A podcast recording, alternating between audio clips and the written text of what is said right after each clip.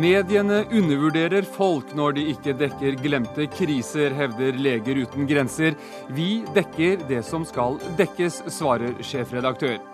Boligkrise for studenter, men regjeringen vil ikke la private aktører bygge. Den setter ideologi foran løsninger, sier FPU. Unge nordmenn mener miljøkrisen er overdrevet. Ikke rart politikerne gjør miljøsaken uforståelig, mener Natur og Ungdom. Og statlig finansiert brosjyre om sadomasochisme deles ut til ungdom på helsestasjoner. Hårreisende, sier KrF, som møter organisasjonen bak brosjyren til debatt.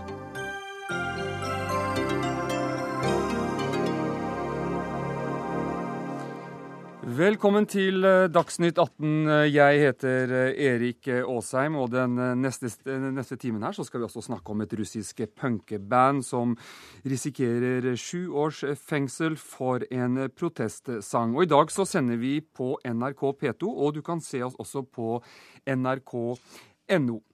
Først til eh, verdens eh, glemte kriser. Én av 15 eh, mødre dør i barsel i Tsjad, og i Myanmar kan 120 000 mennesker dø av aids dersom de ikke får medisiner. Færre dør når flere vet, mener Leger uten grenser. Så hvorfor får ikke folk i Norge vite noe om dette gjennom norske medier? Ja, det er et av eh, spørsmålene som du stiller, Morten Rostrup. Du er lege og feltarbeider i Leger uten grenser. Hva er svaret? Ja, det er eh, Jeg syns spørsmålet er veldig godt, for å si det. Ja, du har stilt det selv. ja. og spørsmålet er jo egentlig rettet mot, uh, i første omgang, redaktører. Hvorfor dekkes ikke mange av disse krisene? Jeg, jeg har jo, eh, vi har selvfølgelig tenkt over dette, dette selv også. Og en faktor er vel det at media er veldig nyhetsorientert. Det er eh, det som skjer plutselig, det som er et brudd i en tidslinje, er noe som med en gang får oppmerksomhet. F.eks. En, en, en krigshandling som bryter ut, en, en eh, naturkatastrofe. Mens kriser som går over tid, som vedvarer år etter år, og som kanskje ikke har fått oppmerksomhet noen gang, det går inn eh, og blir nærmest betraktet som en type normaltilstand. Og det er jo livsfarlig, som, som, som de, de, krisene som du nevnte der. Så er det dette med at vi er bundet en del av nærhetsprinsippet. At eh, det som er langt borte, er kanskje ikke så viktig. Og så er det det jeg stiller spørsmål om. Eh, hvordan tenker redaktørene dette her? Tror de at det norske folk ikke er interessert i å høre om det, siden de ikke, ikke skriver om det? Jeg tror kanskje at man undervurderer folks interesse, og vi har litt data på det også. Vi skal hvert øyeblikk høre litt mer ja. om disse krisene, men vi har med oss en redaktør her. Det er deg, Lars Eller, sjefredaktør i Stavanger Aftenblad. Eh, undervurderer media eh, folks uh, interesse for, for, glemte kriser? Nei, det tror jeg ikke. Jeg tror at vi er, har ganske god erfaring i å tolke folks interesser og hva de vil ha. Og så tror jeg at når Leger uten grenser hver sommer kommer med denne listen, at de litt krisemaksimere. For det er jo ikke sånn at vi gir blaffen i det som skjer ute i verden, gir blaffen i katastrofen og ikke skriver om dem. Vi skriver mye om det. Vi skriver mye om utenrikspolitiske problemstillinger. Men det er ingen tvil om at eh, det er mange ting vi ikke får, skrevet nok om, fordi at det er begrenset med plass, begrenset med kapasitet. og Derfor er jo den den eh, årlige listen fra Leger uten grenser er òg grunn til diskusjon, refleksjon og ettertenksomhet. Men, men sånn i det store og hele så, så, har jeg ganske god samvittighet både på vegne av eget organ og på vegne av norsk presse generelt på at vi får et godt versen etter det som skjer. Rostrup. Ja, jeg, jeg, jeg syns jo Altså, jeg har sett noen lyspunkter, det må jeg si også. At uh, f.eks. dekkingen av den humanitære situasjonen uh, under den arabiske våren har vært god. Det har også vært norske, norske korrespondenter på plass. Og jeg så bl.a. Uh, på Kveldsnytt i går om Rangina-folket i Myanmar, som var en glemt krise i går. Slik at det er en del positive ting. Men, men vi, når vi spør det norske folk, så sier 70% i meningsmåling at de ønsker mindre kjendisstoff. 44% ønsker mer utenriks. Og Hvis man går gjennom eh, spesielt aviser kanskje, og så andre medier, så ser man at det er mye fokus på andre aspekter av hva som foregår i samfunnet, enn akkurat det som eh, skjer ute. Og vi tror at det med medieoppmerksomhet er viktig for å sette en agenda, også for politikere på banen, blant annet. Ja, eh, Vi vet ganske mye om hva lesere eh, vil ha, og hva, de kanskje vil ha som de ikke vet om. Og vi vet også hvordan de svarer på spørsmål. Ja, Vil de ha mer utenriksstoff, eller? Ja, de sier alltid det i undersøkelser. Og jeg tror òg at eh, de kan få mer. Det, det, er jeg ganske sikker på, for vi undervurderer det ikke. De vil ha det, men, de leser det kanskje ikke? I dag har jeg lest, prøvd å lese det som har kommet om denne saken, denne nye listen fra Leger uten grenser, og de viser til denne undersøkelsen sin. Men jeg har ennå ikke sett spørsmålsstillingen. Og det er klart at dette er ting som er ledende spørsmål. Det er ingen som sier, eller svært få som sier de vil ha mindre utenriksstoff. For det er, det er litt prestisje å si ja, det vil vi ha. Men, men, det vil vi ha her i Dagsnytt 18, Rostrup. Vi, vi, vi, må bare videre her. Altså, dere la altså fram denne oversikten i dag, ja. som dere gjør hver sommer ja. Eh, når det er eh, lite andre saker, også i mm. media. Så det er jo en mm. godt, godt planlagt uh, liste, ikke sant? Ja. Jo da, det, det, er jo litt bevisst at vi benytter denne, dette til vinduet også. Hvilken er den viktigste? Nei, det er veldig vanskelig å si den viktigste krisen. Det er så mange ulike forskjellige kriser vi tar opp. Når vi snakker om eh, helseforholdene i slumområdet, som omfatter 800 millioner mennesker, så er jo det kvantitativt selvfølgelig veldig viktig. Men for oss er et menneske et menneske, en pasient er en pasient. Og vi ønsker søkelys på, på alle disse, disse, krisene. Du kan ikke dra alle ja, det, ti her. Det, det, det, forstår, det, forstår, jeg godt, og, og, og, det er et viktig poeng en har òg. Et menneske er et menneske, og ingenting er viktigere enn en menneskeliv. Men folk forstår nok òg at allmenne norske aviser og fjernsynskanaler og radiostasjoner må gi en spredning av det som skjer, både eh, nært og fjernt. Jo, men... eh, og, og Rostrup har òg et poeng i det han sa innledningsvis om at eh, vi er nyhetsorienterte, og vi har et nærhetsprinsipp. Det er en del ting som er viktig få med seg av det som skjer innenfor vår egen nære eh, omkrets òg. Men, men, men her, her, må jeg bare komme inn. fordi eh, Helle, tror du at du har mye innflytelse? Altså Hvis du som redaktør bringer opp f.eks. en glemt krise virkelig i et bredt omfang, at du kan påvirke situasjonen. Du kan påvirke folks bevissthet rundt dette, også politikere. Tror du det, eller ja, tror du ikke det? det? Det, tror jeg.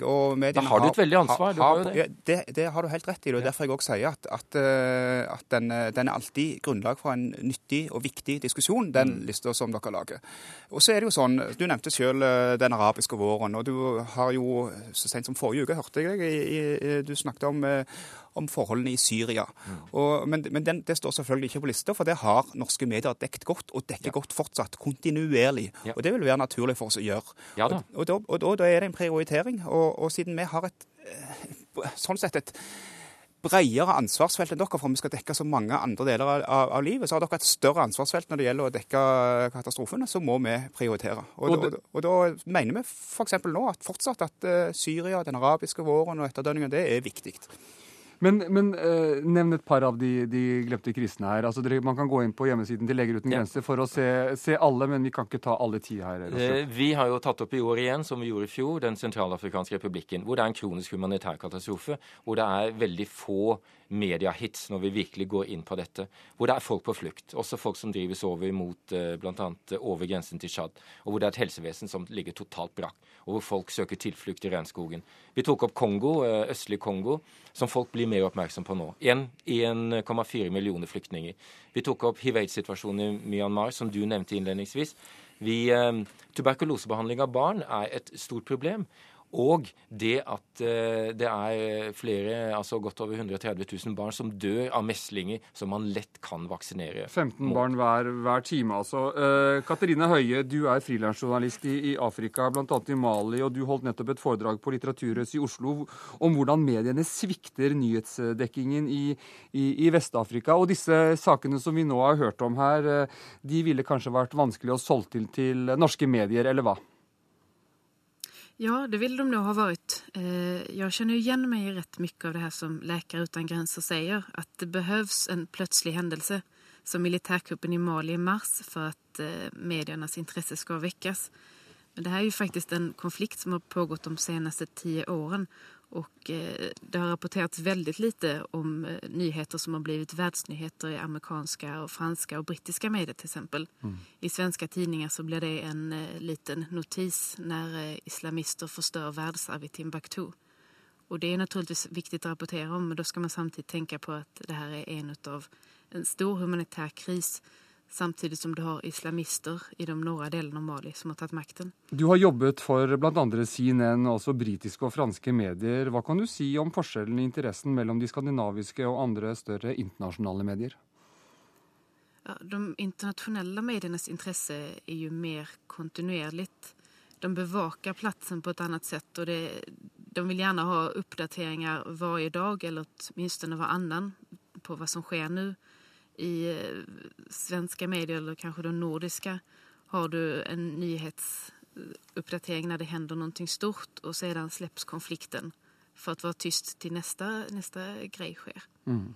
Utenriksminister Jonas Gahr Støre, deler du oppfatningen om at mediene forsømmer ansvaret sitt når det gjelder å dekke kriser som, som Leger uten grenser har lagt fram i dag? Jeg har sittet og lyttet på denne debatten, og to refleksjoner innledningsvis. Det Leger uten grenser gjør i dag, er helt avgjørende. For de bringer altså kunnskap fra felten ut i en rapport som, som vekker oppmerksomhet. og Det gjør også andre humanitære organisasjoner ved å utgi årsrapporter og forskjellige publikasjoner, det er veldig viktig. Men så er jo spørsmålet vi må stille, det er er medieoppmerksomhet alfa og omega for å få gjort noe med krisene? Det er viktig, det er en viktig del, men denne debatten blir jo litt sånn Skriver Stavanger Aftenblad om saken, så blir det eh, vei i vellinga der hvor det er en krise. Dette er jo da glemte konflikter, delvis fordi de ikke berører interesser som kommer på stormaktenes eh, dagsorden. Det er glemte kriser fordi de er ekstremt kompliserte og har vedvart over år, og det finnes ikke et enkelt virkemiddel mot dem som bryter mot mye av medienes logikk. Så jeg, jeg ser det litt blandet. Ja, det er fint, og jeg som utenriksminister ville ønske mer utenriksstoff hele veien, men jeg syns Helle jeg tror han gir en ganske korrekt bilde av det. Folk sier de vil ha mer utenriksstoff, men det må også balanseres opp mot den virkeligheten som Eh, norske medier er i. Men denne rapporten og denne type rapporter er helt avgjørende for å få fokus. Mm. Og Så er spørsmålet hva gjør vi? Vi må ha trykk for å kunne mobilisere penger.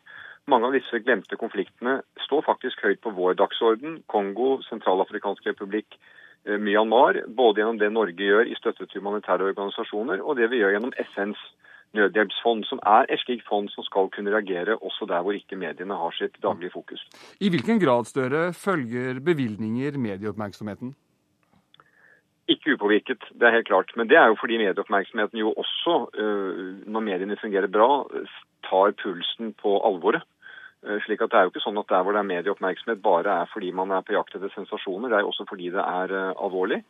Men jeg tror vi må prøve å gjøre en faglig vurdering i eh, mitt departement og i de som har ansvaret for dette, for å forsøke å sette pengene inn der hvor virkemidlene virker, hvor vi kommer nødstøtte til, eh, til, hjelp. Og som Rostrup sier, det må jo da være poeng om å hjelpe de i nød, uavhengig hvor de kommer fra, hva som er bakgrunnen deres. Det er viktige humanitære prinsipper. Morten eh, Rostrup, ja. altså, Rostrup dere har altså laget en videodag om, om, om disse konfliktene mm. som man kan se på hjemmesiden til Leger uten mm. grenser, og der setter dere opp verdens kriser opp mot VG og Dagbladets forsider som handler om slanking, eh, sex og flott. Er ikke det et litt billig poeng? Du kan si eh, at det kanskje er et billig poeng, men det er jo et poeng. Altså, Det er jo noe som slår oss når vi kommer hjem fra kriseområdet og ser norske medier. Så kjenner vi ikke igjen den virkeligheten og vi lurer på hvorfor er dette så interessant. Altså, Er det dette virkelig folk vil ha? Eh, jeg kjøper ikke helt det som Helle sier at dette vil folk ha. Jeg tror faktisk en del bedre, bedre enn folk. Men jeg har bare lyst til å komme litt tilbake til det, det Støre sier. Altså, Det at media setter den politiske dagsordenen, det gjør det i en stor grad. Og Det var i 2009 en undersøkelse blant bl.a. stortingspolitikere hvor man spurte hva er det som er viktigst for den politiske dagsordenen. Og Da var det 71% av stortingsrepresentantene som sa media og medieoppmerksomhet. Det driver mye av den politiske agendaen. Og En kommentar til. Sentralafrikansk republikk. Ja, jeg er veldig glad for at eh, Jonas Gahr Støre ser at dette er et problem. Men i 2011 var det ikke bevilget noe direkte middel fra Norge til hjelpearbeid der. Nødhjelpsfondet til FN, som eh, Støre stadig refererer til, eh, sliter med å få nok penger inn akkurat til den konflikten. Helt kort på det, Støre. Nei, det kan nok være riktig. Altså, jeg tror ikke vi kan komme dit at Norge kan være alle de ti stedene Rostrup snakker om. Det, det, tror jeg bare vi må innrømme, og det handler om hva som er våre kapasitet og våre forutsetninger. Når det gjelder å fylle opp det nødhjelpsfondet, som jeg ofte refererer til, Rostrup, det er helt riktig, så er Norge tredje største bidragsyter der. Og det er jo et fond som reagerer på det vi vet skjer, uten at nødvendigvis har kommet på toppen av medienes liste. Spørsmålet er jo så, Hvis mediene rapporterte grundigere om disse krisene, hva ville blitt følgende av det? Jo, det kunne blitt trykk på politikken i Norge for å bevilge mer penger til humanitære formål. Vi ligger i toppen der. Enda mer vil være bra, men det er jo et, et valg. Og så er det det andre, giverviljen hos nordmenn til å gi til de organisasjonene som kan gjøre noe. Og det er helt opplagt at når mediene har forsider og har oppmerksomhet, så blir det mer penger direkte til Leger uten grenser, Røde Kors, Redd Barna, Kirkens Nødhjelp. Og det ønsker jeg velkommen. og Det er et samspill mellom offentlig interesse og det disse organisasjonene klarer å produsere av respektabelt arbeid. Lars Helle i Stavanger Aftenblad, når du hørte frilansjournalisten her fortelle om at det er veldig vanskelig å få på, på denne type saker på trykk i norske medier, hva, hva svarer du henne da?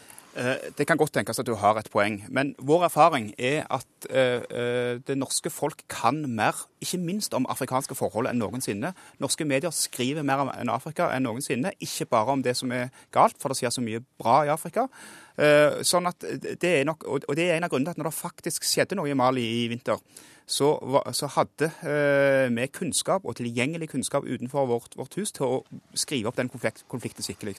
Så, så, eh, det er jeg ganske fornøyd med. Men så har vi nok et poeng i at, eh, at i, det, i de lange Eh, konfliktene, de evige problemsituasjonene, så, så, kan det være at eh, det blir nedprioritert i avisene. Det har jeg ikke lagt skjul på, og det er derfor jeg sier at denne diskusjonen alltid er nyttig. Og jeg ser på hjemmesiden til Stavanger Aftenblad eh, Lars Helle, at dere ikke har lagt ut noe sak om denne lista til Leger uten grenser i dag, da den siste utenrikssaken dere har Nei, lagt ut var uten grenser kan jeg garantere får dekning på det, og det vet, vet Rostrup. Men han har jo òg valgt å porsjonere dette ut til mediene med den med profesjonelle mediestrategien han har.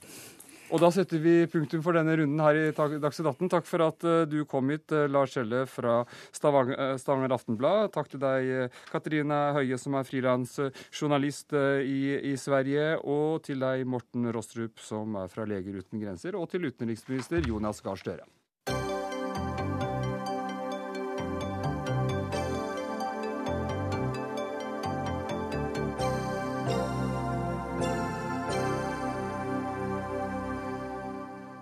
Programkomiteen i Senterpartiet ønsker å fjerne barnetrygden for barn over 16 år. Til gjengjeld skal foreldre med yngre barn få mye mer. De yngste kan få opptil dobbelt så mye om Senterpartiet får viljen sin. Og I dag får da som kjent foreldre 970 kroner i måneden skattefritt i barnetrygd fram til barna er 18 år. Og Trygve eh, Slagsvold Vedum, du er leder i programkomiteen i Senterpartiet, i tillegg til å være landbruksminister. Hvorfor vil du ta penger pengene fra foreldre med tenåringsbarn? Det er fordi at småbarnsfamilier tjener mindre, og de har høyere gjeld og høyere bokostnader, så de har mye mindre disponible midler. Så det er, eh, Når du ser på statistikken, så tjener tenåringsfamilier eh, over 100 000 mer i snitt. Og de har mye lavere bokostnader. Og da må vi tenke, når vi skal bruke de 15 milliardene cirka, på barnetrygd, kan vi bruke de bedre? Kan vi gjøre det mer målretta? Og nå de som trenger det mest blant, eh, småbarn, blant barnefamilier. Og da er det småbarnsfamiliene som trenger det mest. Og vi ønsker å gi småbarnsfamilier da større frihet, akkurat som vi nå gjør med kontantstøtta denne uka her, Da vi øker beløpet fra 3300 til 5000 for de med minste barna. Så her er en linje fra Senterpartiet sin side. Vi ønsker å styrke økonomien til de familiene som har minst barn, for det er de familiene som sliter mest. Solveig Horne, du er nestleder i familiekomiteen for Fremskrittspartiet, og du mener dette forslaget er tåpelig. Hvorfor det? Nei, Jeg syns det er en helt avsporing av den debatten, og er veldig glad for at ikke dette forslaget for Senterpartiet får noe støtte fra andre regjeringspartier heller. Jeg mener det at Senterpartiet burde brukt hele energien sin på nå å eh, øke barnetrygda, og heller fått flertall for det som er et ledd i, eller viktig ledd i fattigdomsbekjempelse det viser alle rapporter. Eh, det er nå å begynne å ta ifra de, de, som har eldre barn, det syns jeg ikke er et bra forslag. Nei, men Du hørte argumentet til, eh, til Slagsvold Vedum her. Ja. Altså, altså Når man har eldre barn, så tjener også foreldrene mye mer. Ja, men nå er jeg klar over at Slagsvold Vedum han er småbarnsfar, eh, og jeg sjøl er mor til tenåring. Og det kan i hvert fall sikkert på de, veldig mange kan skrive under på at når ungene blir eldre, så fordi at foreldrene kanskje har bedre økonomi, så koster utgiftene mye mer enn det de gjør når du, har, når du er småbarn. Ja, det er dyrere å ha en 16-åring i huset enn en toåring, eh, Trygve Slagsvold Vedum. Ja, Det er helt irrelevant om jeg er småbarnsfar eller ikke jeg er småbarnsfar. Men det her er bare å lese statistikk og lese tall, og, så, og da ser du at uh, mora og faren til en 16-åring de har mer penger til å bruke på andre ting enn det de absolutt må. Det er pga. at de har lavere gjeld og det er på grunn av at de har høyere inntekter. Og så har vi gjort et grep også etter at vi overtok makta. Vi har innført gratis skolebøker, gratis læremidler i den videregående skolen. Så det er lavere kostnader i dag eh, med å ha tenåringer i huset enn det var før, takket være at vi i den rød-grønne regjeringa har prioritert det veldig høyt. Og så er, er, det en annen ting som er ganske fornøyelig med Frp. For at det på uansett område så handler det ikke om å prioritere hos dere. Det handler bare om å bevilge mer penger. Mer penger til alle mulige offentlige formål. Her må vi ta en ordentlig diskusjon. Kan vi bruke de 15 milliardene kroner på en bedre måte, sånn at vi bru bruker våre skattepenger på en bedre måte? Og da ønsker vi å bruke det mer målretta mot de som har størst behov, mens dere roper mer penger til alt og Nei, sier at vi har lavere skatt. Slagsvold Vedum eh, avsporer debatten i det hele tatt. Vi har hatt en debatt nå i sommer i forhold til fattigdomsbekjempelse blant småbarnsfamilier, som er sterkt økende og har vært under denne regjeringen. Flere rapporter, og det bør du kanskje sette deg ned og lese, sier helt klart at barnetrygda den burde vært økt, for den har ikke vært økt på 16 år. Og at hvis du hadde økt barnetrygda, så hadde dette vært et stor, stort hjelp for de som er fattige småbarnsfamilier. Om de da har småbarn eller om de har tenåringsbarn, så viser det statistikkene klart at det, dette er viktig tiltak. Men det, Horne, det står jo i eh, Frp sitt partiprogram at dere ønsker å bake inn kontantstøtten i barnetrygden, så dette må jo egentlig være et drømmeforslag for dere? Altså mer, mer penger til eh, småbarnsforeldre? Nei, det som Fremskrittspartiet har sagt helt klart, er at vi ønsker å beholde kontantstøtten sånn som det er i dag. I dag så gjør uh, regjeringen å kutte i kontantstøtten, slik at valgfriheten til barnefamiliene går vekk.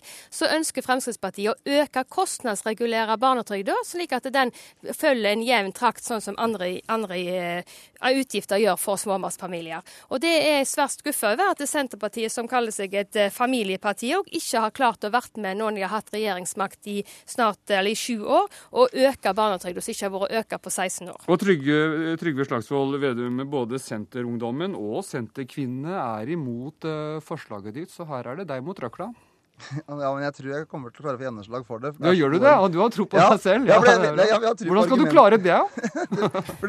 jeg har tro på argumentets kraft. For Hvis du begynner å gå inn og se på tallene og kjøpekraften til tenåringsfamilien kontra småbarnsfamilien, eh, så er det fornuftig å målrette midlene mer mot de yngste.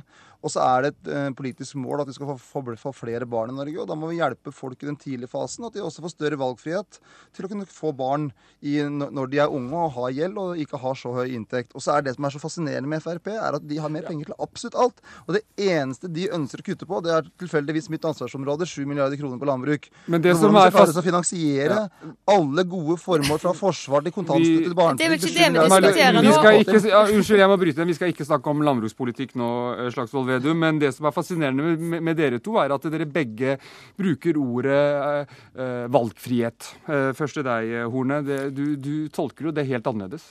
Ja, på grunn av det at det, det som er viktig for Fremskrittspartiet, er at familiene har en valgfrihet til å sjøl velge hvordan de vil ha med, med, barnepass. Men det er samme ordet som Slagsvold Vedum bruker også. Ja, men det er et sånn typisk rød-grønn regjering, for de bruker valgfrihet hvis at familiene velger det som de mener de skal velge, og det er forskjell på de borgerlige partiene og de rød-grønne. Ja, er det riktig, Slagsvold Vedum? Ja, for det første er Frp det minst borgerlige partiet vi har i Norge. Men som Kåre Willoch sa, er jeg helt enig med Willoch. Også når det gjelder eh, nå, nå, nå til uka, på, på, onsdag, så øker vi kontantstøtta til 5000 kroner for barn under halvannet år. For vi ønsker jo. å gi småbarnsfamilier en bedre overgang mellom foreldrepermisjon og barnehage. Og jeg tror når du kommer til å se jo, hvor mange som vil bruke den løsninga, så kommer det til å bli en økning i antallet som bruker kontantstøtte for de minste barna. For vi ønsker at man i den tidlige fasen skal få større valgfrihet. Og så ser vi at de minste småbarnsfamiliene er de som har dårligst råd, og da ønsker vi også å øke dems styrke fordi at tenåringsfamiliene har bedre råd. Sunn fornuft, gode argumenter. Men det som er problemstillingen i dag i forhold til kontantstøtte, er jo det at det er veldig mange kommuner heldigvis nå innfører en lokal kontantstøtte pga. det at de ikke har eh, barnehageplasser til disse barna. Men... Og det er òg flere familier nå som etter jul har fått beskjed om at de blir trukket tilbake til kontantstøtten, noe som de har mm. papirer på at de fikk før. Nå snakker Så... vi om eh, barnetrygd i denne debatten, ikke kontantstøtte. Ja. Men tiden vår er over. Eh, eh, du klarte ikke å overbevise Solveig Horne i Frp, Trygve Slagsvold Vedum, eh, men du regner likevel altså med at du skal klare å overbevise hele ditt parti, som per i dag er, er motstander av dette. Men takk for at dere to var med i denne debatten.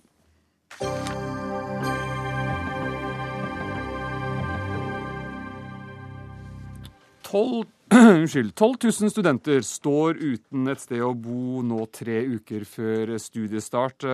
Og nå får regjeringen kritikk for eh, ikke å ha brukt opp alle millionene som eh, Stortinget bevilget. Og Himansu Gulati, formann i Fremskrittspartiets Ungdom, eh, hvordan reagerer du på at 158 millioner av de 371 millionene Stortinget bevilget til studentboligutbygging, står ubrukt?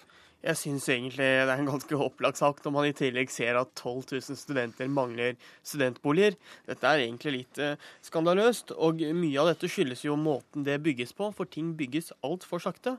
Alt må gjennom studentsamskipnadene, selv om private aktører slik som Malthus i Stavanger står klare til å bygge billigere boliger raskere, slik at man får flere boliger for de samme pengene. Og jeg syns at regjeringen her setter uh, ideologi foran gode løsninger. For hvem er vinnerne hvis private aktører kan bygge flere boliger raskere enn i dag? Og det er studentene. Og fakta er altså at 4000 studenter står i kø for å få bolig i hovedstaden. 2000 i Bergen, 2000 i Trondheim, 1000 i Tromsø, 1000 i Stavanger, 1500 i Kristiansand og Grimstad og minst 200 i Ås i Akershus. Og, og Truls uh, Wickholm, medlem av kirke- og utdannings- og forskningskomiteen for Arbeiderpartiet. Dette viser jo at utbyggingen ikke går raskt nok. For det første så er det Her var det en del å ta tak i, for å si det sånn. 160 eh, millioner står ubrukt på bok feil. 160 eh, millioner eh, hører til prosjekter som er under oppføring. Dette har jeg prøvd å forklare Himanshu flere ganger, men altså sånn at når du bevilger penger til studentboliger, så betaler du til tre omganger oppstart, midtstilling eh, og avsluttelse, hvor du får de siste 20% når det er gått gjennom og alt er funnet i orden. Så du kan love at alle disse pengene er brukt opp når byggeprosjektene er ferdig? 2000 studentboliger er nå under eh, bygging, eh, og 160 millioner hører til de prosjektene. sånn at vi det... kan bare avslutte den diskusjonen. Men når, du, men når du hørte disse tallene, så går det jo ikke fort nok, da? Nei, og det, det er jeg også helt enig i, og det har jeg lyst til å, å diskutere. Men det er ikke sånn at uh, løsningen her er private. I Oslo i dag så er det 15% av de boligene som studentene bor i, det er studentboliger. Og studentboliger er et veldig viktig utdanningspolitisk virkemiddel. Eh, og ja, hva skal vi si? Eh, det er, det, er, det er, sånn at jeg tror at de offentlige pengene som vi bruker på studentboliger, det skal vi bruke gjennom studentsamskipnadene, nettopp fordi vi vet at det overskuddet som eventuelt kommer på disse boligene, det går også tilbake til eh, studentene. Brukes til studentvelferd, helsetilbud og, og, andre ting. Eh, mens vi vet at hvis vi hadde gitt de her pengene til private utbyggere, så hadde de eh, skulle ta inn profitt. De kunne ikke gitt den samme garantien på at de pengene studentene betalte inn i husleie, gikk tilbake til studentene. Ja, Gulati, ser du det poenget der, med at ja, private skal ha mer profitt enn det offentlige? Ja, nei, men Når private utbyggere som Malthus, som bygger hus hver dag og vet hvordan dette gjøres, sier at de kan bygge for 300 000 kroner billigere og bygge innen seks måneder, slik at det offentlige kan få flere hundre boliger flere ved å bruke de samme kronene. Hvorfor skal man ikke da benytte seg av dette, når det er studentene som da får flere boliger og, bilder? Og jeg vil også stille Truls Wickholm et spørsmål. Hvis man i dag forbøy private å bygge vanlige hus, vanlige boliger som de fleste voksne folk i Norge får bygd eller kjøpe på et eller annet tidspunkt, da er jeg sikker på at boliger både ble mye dyrere i Norge og tok mye lengre tid å bygge. Så hvorfor, det er jo de samme mekanismene som gjelder enten man bygger vanlige hus eller studentboliger. Altså jeg blir litt sånn lattermild her nå, fordi det er jo de færreste vanlige boligeiere i Norge som bygger sitt eget hus. Noen gjør det. Og det er heller ikke sånn at når studentsjappene og skimsjadene skal bygge boliger, så eh, sender de ut flyers på campus, og folk stiller opp, graver grøfter og, og hammer og spikrer. Det er jo selvfølgelig det er jo private firmaer som bygger ut disse boligene for studentsamskipnadene. Og jeg syns at Himanshu han undervurderer studentene og studentorganisasjonene ganske kraftig. fordi det er jo ingen som har bygd flere studentboliger og er proffere på å bygge studentboliger enn eh, f.eks. Studentsamskipnaden i, i, Oslo. Men det er ikke altså, nok. altså Når vi nei, hører tallene, altså, nei, når, når vi altså, hører vi tallene her, vi, hvorfor kan det ikke gå fortere? Altså hva, hva er galt med å gi de private mulig altså i hvert fall teste det ut for å se om det blir flere studentboliger av det? La meg bare forklare en ting. Vi bevilger fra regjeringens side 1000 studentboliger i året. Vi er den første regjeringen som har eh, bevilget et så kraftig antall. Skal det bygges flere studentboliger med studentboligordningen, så må det tallet bli høyere. Så Derfor har vi også sagt fra Arbeiderpartiets side at vi er villige til å øke det tallet fra 1000 til 2000 i neste eh, stortingsperiode. Mm. Studentsamskipnaden i Oslo de har mange hundre prosjekter som er klare til å bygges, hadde de bare fått nok penger fra politikerne. Sånn at og det vil altså, si din regjering, da. ikke sant? Dette kan jo tolkes som en slags ansvarsfraskrivelse, ja, eller hva syns du? Himasu, ja, og statssekretæren fra regjeringen sa jo selv forrige uke at det ikke er regjeringens ansvar at det står 12 000 studenter i kø, så jeg syns det er ganske mye ansvarsfraskrivelse. Men, uh, men så vil jeg også uh, stille et, um, et uh, spørsmål, og, og, det er det, det, blir en slags bagatellisering. Men, men altså, altså, poenget her er jo at 85% av de boligene som studenter bor i i Oslo, mm. er bygget av private. Mm. Veldig mange boliger i framtiden som studenter bor i, kommer også til å bli bygget av, av private, mm. og det er vi for. Men så er det noen studentboliger som bygges ut av samskipnadene med offentlig støtte, eh, hvor overskuddet også går tilbake til studentene. De vil jeg fortsatt at studentene skal bygge ut, og jeg trodde også at Frp var for at studentene skulle styre studentvelferdene selv. Nå ser det ut som de har gått bort ifra det og skal begynne å ta den støtten og gi den til noen private uten å garantere for at studentene skal få det overskuddet tilbake. Ja, det syns jeg er et ran av norske hvordan studenter. Hvordan kan dere garantere for det, Himanshu Gulati? Ja, men uh, det som er, er at uh, Nå har vi prøvd regjeringens politikk i mange år, i sju år, med at studentsamskipnadene skal ha monopol. Resultatet ser vi. Det står 12 000 studenter i kø. Ja. Så vil regjeringen fortsette med et monopol når man ser at køene øker hvert år. Det er kjempebra at man bygger 1000 boliger i året, men det er for lite, og det går for sakte. og mm. Da mener vi at dette monopolet må oppheves. For monopolet er grunnen, en av mange grunner for at det går sakte. Men du kan love at regjeringen vil ikke oppheve dette, dette monopolet, eh, Truls Wickholm? Et av hovedproblemene er at ikke tomter stilles til disposisjon. Eh, og det er Frp med på å styre i Oslo. Og i Trondheim så har de stemt imot at de skal subsidiere, subsidiere boliger for, eller tomter for studentene. sånn at det er en del av problematikken, og det kan Himanshu ordne opp med sine egne venner. Da setter vi punktum for denne runden her i Dagsnytt 18. Takk for at du kom, Truls Wickholm fra Arbeiderpartiet og Himanshu Gulati fra Fremskrittspartiets Ungdom. Og du kommer tilbake litt senere i denne Dagsnytt 18-sendingen. Hør Dagsnytt 18 når du vil, på nettradio eller som podkast. nrk.no – dagsnytt 18.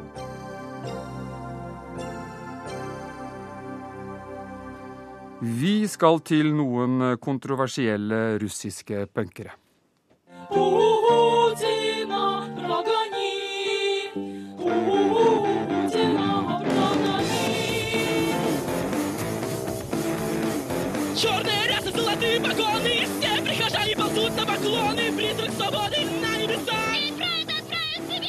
Ja, denne sangen spilte den russiske gruppa Pussy Riot da de kuppet Moskvas største ortodokse kirke i februar. Stående ved alteret ikledd finlandshetter sang punkegruppa Jomfru Maria befri oss fra Putin. Og tre av gruppas kvinnelige medlemmer risikerer nå syv års fengsel for å spre religiøst hat. Og rettssaken startet i dag. Da sa kvinnene seg ikke skyldige i anklagene, og at protestsangen var et forsøk på å endre det politiske systemet i Russland. Og Ragnhild Holmås, du er russlandviter ved University College eh, i, i London. Og hvorfor risikerer disse syv, eh, disse disse tre kvinnene syv års fengsel for en sang? Ja, Det er et veldig godt spørsmål. Og eh, det må ses i lys av at dette her er Russland. Det er nye hendelser i Russland som gjør dette her mulig. Og det er ikke minst det tette båndet mellom kirken og staten. Og i forlengelse av det mellom kirken og da eh, rettsvesenet, rett og mm. slett. Mm. Um, så Pga. disse, disse uh, sterke båndene så risikerer altså disse jentene syv år i fengsel for en ellers bagatellmessig hendelse. Ja, og Pussy Riot har, har fått enorm oppmerksomhet i, i Russland. Rettslokalet i Moskva var i dag fullpakket av uh, tilhørere. Hvem er de egentlig? Tilhørerne til Pussy Nei, jeg tenker på, på hvem er Pussy Riot? Ja, De er først og fremst aktivister, ikke først og fremst uh, punkere. De er et kollektiv på rundt ti personer. Uh, resten av de er anonyme og har gått uh, under jorden etter, um, etter disse herrene ble arresterte. Så, så de, de, ble til som en protest mot de, det som de anser som demokratiske innskrenkninger i, i Russland eh, den mm. siste tiden. Amnesty mener at de tre kvinnene fra Pussy Riot er samvittighetsfanger. Og, og Patricia Katte, du er politisk rådgiver i Amnesty International Norge. Hvorfor er de samvittighetsfanger? Fordi de er fengslet for å ha kommet med en helt eh, legitim, fredelig politisk ytring. Uh, og det er en uh, form for ytring som burde vært lov, akseptert, akseptabel. og den forbrytelsen, såkalt, som de er nå tiltalt for, er helt uh, uforholdsmessig i forhold til det de har gjort. De har sunget en sang på tre minutter. Hva sier denne, denne rettssaken om menneskerettighetssituasjonen i Russland i dag? Den sier at det demokratiske rommet uh, blir stadig mindre. At ytringsfriheten stadig blir mer begrenset. Og det fikk vi også se under rettssaken i dag. I prinsippet så skulle den være åpen, og den skulle uh, overføres. Men etter to timer så ble overføringene stanset.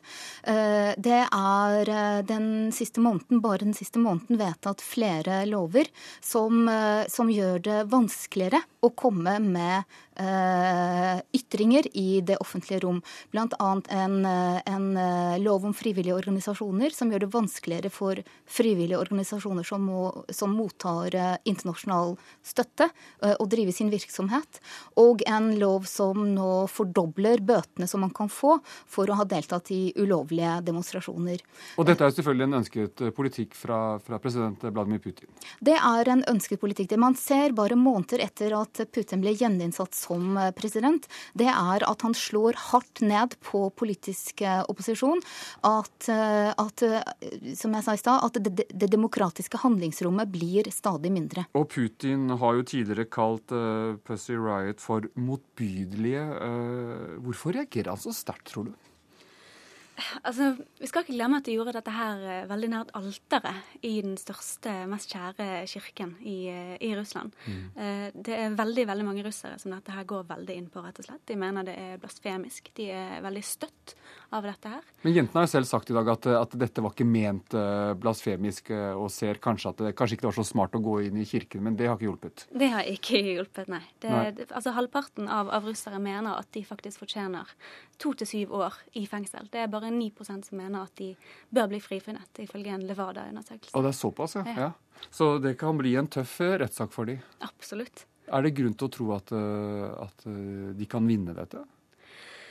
Det, det, tror jeg rett og slett ikke. Det vil innebære en veldig ydmykelse for den russisk-ortodokse kirken, og, og, også staten. Så jeg tror det er liten sjanse for at de blir frifunnet. Men, men Karl Marx han mente jo så kjent at religion er opium for folket, og, og sovjetstaten førte en antireligiøs eh, politikk. Men likevel, så, så, som du sier, altså, så, så, står kirken så sterkt i dag at den, at den også klarer nærmest å regissere en slik rettssak som vi, som vi nå, i dag har begynt å, begynt å se. Ja, det er absolutt. Det er to tredjedeler av russisk befolkning som identifiserer seg som, som russisk-ortodokse. Selv om det da var forbudt mer eller mindre med religion under sovjettiden, mm. så, så har ikke folk glemt det. Og eh, båndene mellom denne patriarken Kirill og Putin er også bare blitt tettere. Og på, før, valget, ja, på hvilken måte? Ja.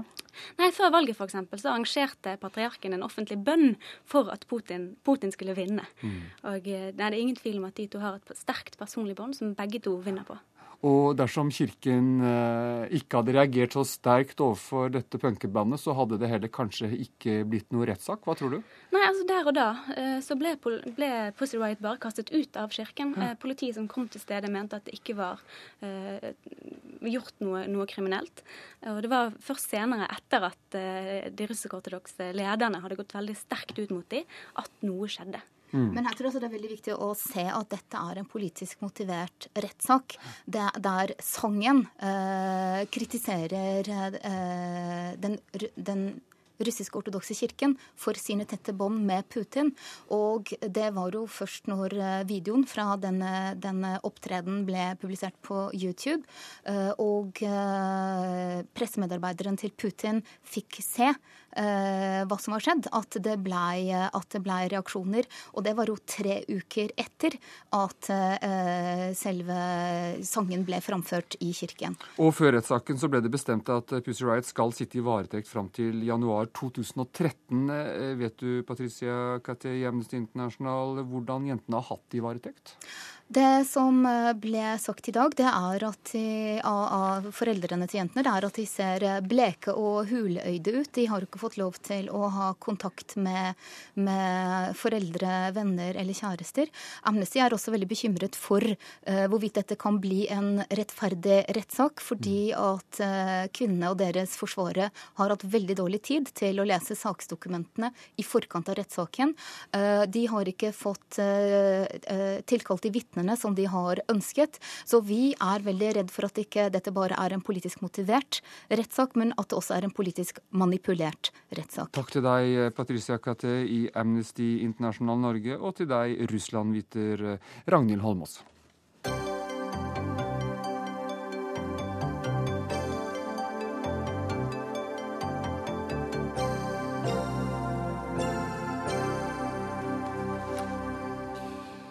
Norsk ungdom eh, kommer dårligst ut når det gjelder kunnskap om miljø, og tror eh, miljøproblemene i verden er overdrevet. Det kommer fram i en verdensomspennende undersøkelse om ungdom og bærekraftig utvikling, eh, som er utført av to franske organisasjoner i forbindelse med FNs klimatoppmøte i Rio. Først nå så blir disse tallene kjent i Norge. Og av alle de 30 landene som deltok, så, så ligger altså Norge på topp i å tro at klimaproblemer er blitt overdrevet de siste siste årene. Én av fem mener dette. Og Silje Lundberg, du er leder av Natur og Ungdom. Hva er din forklaring på det?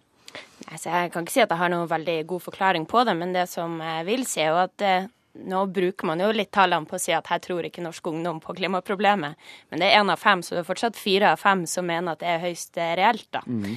Så, eh, men, eh, men, det som jeg tror er noe av årsaken, og det har man jo sett gjennom tidligere studier ofte også, er at ungdom er blant dem som er mest utålmodige etter resultater. Når man ikke ser resultatene fra politisk hold og ikke opplever resultatene måte, i sin hverdag, så tror man nødvendigvis ikke heller at det er et så alvorlig problem. Og det har Sintef eh, eh forska på tidligere, og da viser det at, eh, at, nordmenn gjerne egentlig tror på klimaproblemet, men samtidig, hvis det hadde vært så viktig og hvis det hadde vært så alvorlig, så burde, man jo, så burde politikerne ha gjort langt mer. Og da tror jeg det har vært et problem at også eh, da når denne undersøkelsen ble laga, så så i fjor, så, eller det året, da, så økte jo de norske klimagassutslippene med 5% Og da ser du jo ikke på en måte, da ser du ikke endringer i din egen hverdag, og da opplever du ikke at politikerne faktisk tar det, tar det klimaansvaret som de burde, eller som de snakker pent om i, i talene sine. Og I denne undersøkelsen så kommer norske ungdommer på nest sisteplass når det gjelder å anse seg selv som informert om miljøspørsmål. Bare Japan kommer dårligere ut. Og, og Kjetil Rakne, statssekretær i Miljøverndepartementet, her må det ha sviktet i folkeopplysningen? Ja, det kan jo se sånn ut. Eh, men det går jo på deres egen vurdering. altså At de kanskje da har en mye bedre vurdering av hva de ikke vet, enn det ungdommer har i andre land. Selv om det er lite sannsynlig. Men jeg tror at eh, vi skal erkjenne det at eh, hvis vi ser på Norge sammenlignet med andre land, så er det jo sånn at miljøbevegelsen i Norge er nok litt svakere enn i mange land vi ønsker å sammenligne oss med. Eh, vi har f.eks. heller ikke grønne partier i Norge. Tyskland f.eks. har et grønt parti med 20% Så du kan si at selv om vi i Norge ofte sier at vi selv er veldig miljøvennlige og veldig miljøbevisste, og sånt, så finnes det andre land i Europa hvor miljøsaken nok står mye sterkere i Norge. Mm. Og det vi har sett også var at I 1989 var mange flere i Norge bekymra for miljøproblemene enn det de er eh, i dag. Og så hadde vi en ny topp da i 2007 når Al Gore kom, og den fjerde rapporten fra klimapanelet kom. Så dette går jo også da i bølger. ikke sant? Det er litt sånne trendbølger internasjonalt også, som Norge er en, er en del av. Ja, men du hørte jo Natur og Ungdom her eh, etterlyse mer konkrete tiltak. mer, ja. mer mer, politikk, for det vil også føre til at man blir mer opptatt av miljø? Ja, og det tror jeg, det tror jeg er helt rett i. Altså det, det, er to feil som har blitt gjort her på begge sider. Altså Klimaskeptikerne har fått for mye plass, det er det jo ingen som er, er uenig i. Det andre er jo at fra den andre kanten har det også kanskje vært litt for mye dommedagsprofetier og for lite konkrete handlinger. ikke sant? Og Med klimameldingen som kom nå, er jo den et stort skritt i riktig retning. For den viser en del konkrete ting vi kan gjøre for å få ned klimautslippene både i Norge og eh, internasjonalt. Og Det andre som nok jeg vil være veldig opptatt av å fremheve, er jo dette at vi har jo underkommunisert hvordan miljøproblemene når man løser de, så vil det gjøre livet ditt bedre. Det vil være mindre kø, du vil få billigere strøm fordi at huset ditt blir bedre eh, isolert. Altså at mange ting i din egen hverdag faktisk blir ikke bare enklere, men bedre eh, ved å velge mer miljøvennlige eh, løsninger. Mens det som ofte har mm. blitt en slags oppfatning som har satt seg veldig, er jo at dette vil være veldig sånn trøkkete og vanskelig å gjøre livet vondt og, og, og, og, kjipt å leve i Norge. Ja, Du nikker, Silje Lundberg i Naturungdom. Har, har måtte, miljøsakene blitt for komplisert presentert. Ja, så noe av problemet, altså I hvert fall hvis du ser den offentlige debatten, så er det jo ikke noen tvil om at den debatten som pågår om miljø, er jo vanvittig teknisk. Mm. Hvis man ser på alle mengden med forkortelser du kan prestere og bruke når du på en måte egentlig skal prøve å formidle noe veldig enkelt, så er det jo ikke noe rart at folk detter av. Og det tror jeg også jeg tror de her tallene også viser at For det som jeg syns er mest bekymringsverdig, er at det er bare 55% som mener at de er godt informert om miljøproblemene. Mm. Men det tror jeg også er at nettopp fordi at den debatten som går i Norge, er så teknisk Vi skjønner den ikke, altså, rett og slett? Nei, nei, men samtidig at man ikke skjønner den helt. Og så tror jeg òg at man da måtte gjøre en vurdering av at man må ha vanvittig mye mer kunnskap for å kunne delta og for å på en måte være godt informert. Altså Vi reiser rundt på videregående skole og ungdomsskoler og holder masse foredrag gjennom året og møter de her ungdommene, og de kan jo vanvittig mye. Sånn at på en måte, jeg tror at, eh, at ungdommen sjøl, nettopp fordi at den terskelen er så høy, så, så, så på en måte tror man at man ikke sjøl helt er god nok. Ja, Raknes, har dette blitt en debatt for eliten?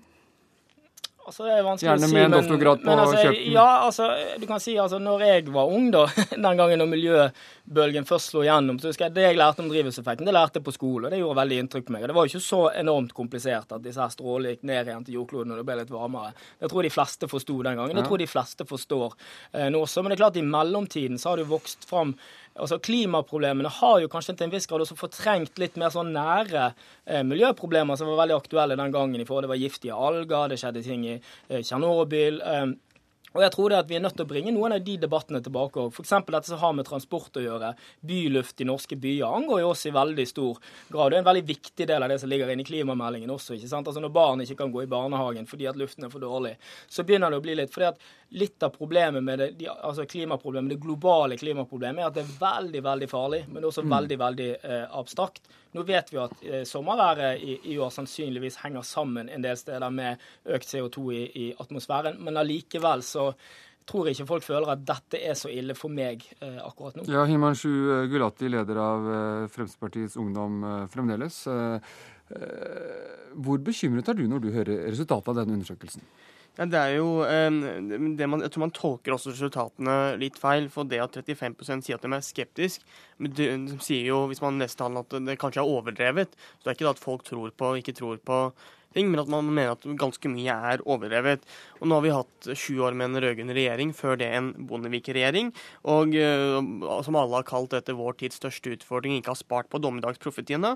Men folk ser at det kommer ikke noen resultater. Utenom høyere avgifter, så er det få konkrete resultater. Og Så du tror- mener det har vært for, for mye dommedagsprofetier? Altså det er grunn til at også unge folk eh, også kan ha sluttet å begynne å tro på dette? Absolutt, for Fremskrittspartiet vil også bidra til å kutte CO2, men vi er mer opptatt av løsningene enn de store tordentallene. Og La meg ta et eksempel. Når, øh, øh, vi er vel alle enige om, enige om at flere bør kjøre kollektivt. Og Hva er løsningen fra regjeringens side og de andre partiene? Det at man burde få flere parkeringsrestriksjoner og gjøre det vanskeligere å kjøre bil. Fremskrittspartiet kom med et konkret forslag, for det er løsning vi mener er viktig. og at man burde eh, la, Hvis arbeidsgiver betaler busskort og togkort, så burde det være fradragsberettiget. Regjeringen beregnet at dette ville føre til at 175 000 flere ville gå over til kollektivt hvis eh, man ikke måtte betale skatt på den type ting. Derfor gikk de imot, fordi man ville, eh, man ville spare inntekter på det. Vi mener at løsningene er viktigere enn de store tordentallene. Og, eh, Vi skal ikke snakke om, alle, om, om enkeltsaker her, Kjetil Raknes, men, men likevel har FpU-lederen her et poeng at, at det man hadde trengt for å få opp engasjementet, er litt sånne hva skal vi si, folkelige, populistiske løsninger som gjør hverdagen enklere.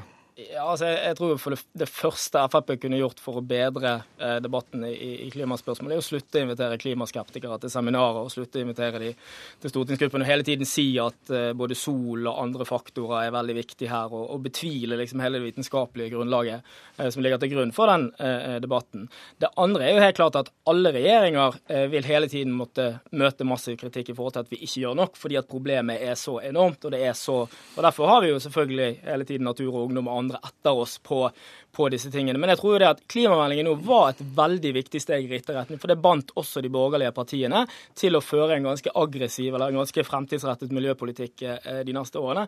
Og så er det selvfølgelig vårt ansvar å vise, f.eks. i denne valgkampen som kommer nå, at vi må bli flinkere til å gi altså til å vise konkret hvordan miljø, det å stemme eh, på et miljøparti, gir konkrete forbedringer i din egen hverdag, og Så- de tingene du gjør globalt, henger sammen. Så det er altså, det er altså Fremskrittspartiet som også har vært en av bidragsyterne til, til å måtte fortelle oss at det er ikke så, det er ikke så farlig? Altså, Jeg brukte sommeren på å lese en bok av en av de fremste amerikanske eh, klimaforskerne som heter eh, The Hockey Stick in the Climate Wars. Og En av de tingene han påpekte som går langt forbi Fremskrittspartiet her, er jo at man ante jo ikke hvilke motkrefter en skulle sette i gang. Mm. Ikke minst i USA og internasjonalt. Altså, Det har jo forskermiljøene også undervurdert veldig. Mange forskere har kommet ut og sagt det at de var totalt uforberedt på den enorme offensiven som ville komme fra visse lobbyinteresser i, i denne saken. Men hvis hvis også SV og regjeringen er mer opptatt av løsninger enn de store tordentallene. Jeg kunne referere hva Solheim har kalt som bibelske dimensjoner og det ene og det andre.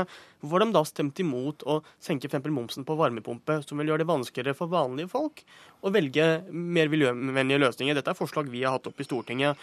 Hvorfor har de da stemt imot at man skal f.eks. gi eh, folk eh, fradrag på Man ikke må betale skatt hvis arbeidsgiver betaler ditt buss- og togkort, mm. når de selv beregner at nesten 200 000 vil gå over til disse kollektivt, og at også kollektiv vil få flere inntekter. For dere mener at dette ikke er løsningen, Raknes? Helt kort til slutt. Frp var jo med en del i klimaforhandlingene, men de falt av fordi at det var altfor mange løsninger der de, de, de ikke ønsket å gå i samme retning som vi. Altså, Hovedmålet her er jo det at forurenser skal betale. Det blir man stadig mer enige om, og det ligger også inne at den som forurenser skal stadig betale eh, mer. Der er jo Frp ganske uenig, fordi at de mener at eh, en del ting som forurenser, det skal ikke betale noe særlig i det hele tatt. og Vi skal stort sett fortsette som i dag, og veldig mange miljøtiltak fremstiller de som et onde, selv om det virkelig er noe som vil gjøre Silje Lundberg i Natur og Ungdom, veldig kort til slutt. Eh, hva er din viktigste utfordring til Miljøverndepartementet for, å, for å engasjere befolkningen?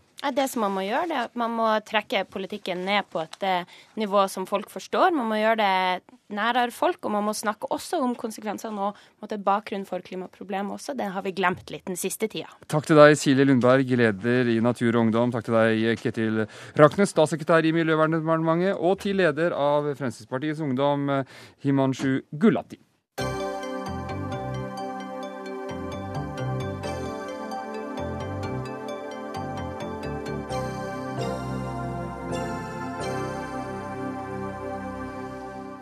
Beskrivelser av slag, sexlek med kniver, pisking, nåler og lenker er innholdet i en ny brosjyre, BDSM, Berikende samspill, som sendes ut til helsestasjoner for ungdom i Norge. Den er laget av eh, organisasjonen Smil Norge, som, som fronter denne type for eh, seksuell aktivitet. Og, og Laila Dovøy, du er stortingsrepresentant fra KrF og sitter i helse- og omsorgskomiteen. Og du, du har reagert på denne brosjyren. Hvorfor det? Ja, jeg har det.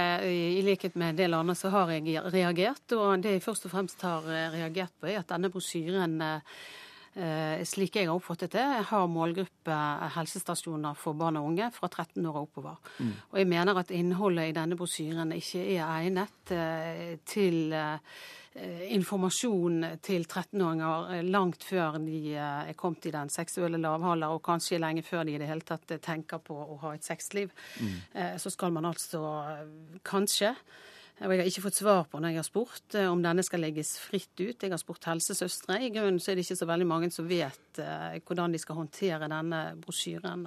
Men den finnes de altså på landets helsestasjoner over ja, hele Norge. Ut. Og Ingar Thomassen, du er fungerende talsperson i Smil Norge. Dette er vel ikke lesestoff for 13-åringer?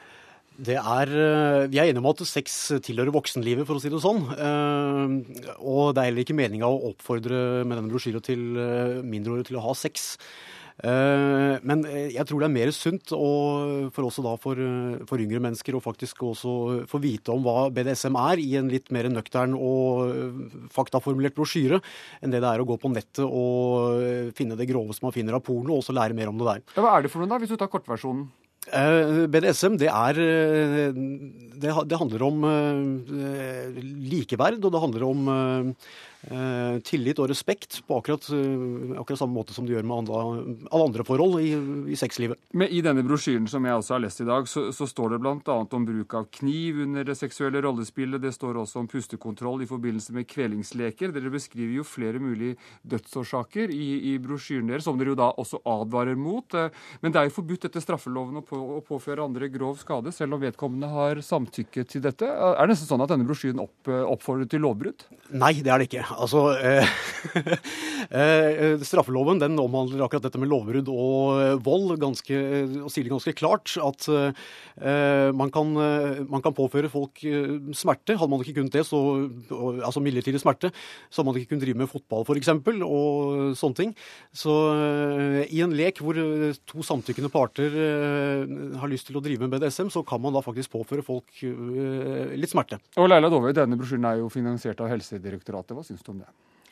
Nei, det har jeg òg reagert på. At en, en brosyre som ser ut til å skulle være på helsestasjoner for barn helt ned til 13 år med dette innholdet, da, eh, også er støtte til Helsedirektoratet. Og jeg ville jo da forvente at Helsedirektoratet både forankret brosjyren eh, f.eks. i Helsesøstrene eh, som skal informere om denne, at det var en plan for hvordan man skulle nærme seg dette hvis man i det hele tatt skal informere svært unge. Men jeg syns uansett at man burde hatt en advarsel i forhold til at man denne egner seg for, som en sexolog sa, viderekomne voksne eh, og modne voksne.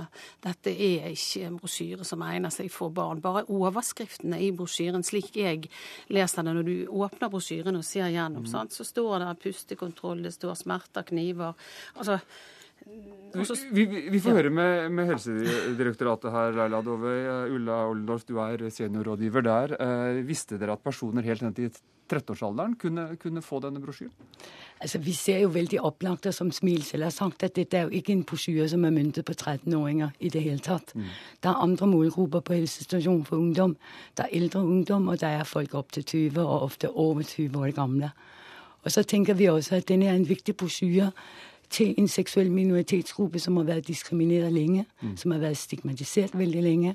Og det vi vet, det er at hvis man kan gi gode verktøy til å kunne, altså til at folk kan mestre sine seksuelle liv, og til å forebygge seksuell uhell og styrke identitet, så kommer du veldig langt på vei med å styrke seksuell helse.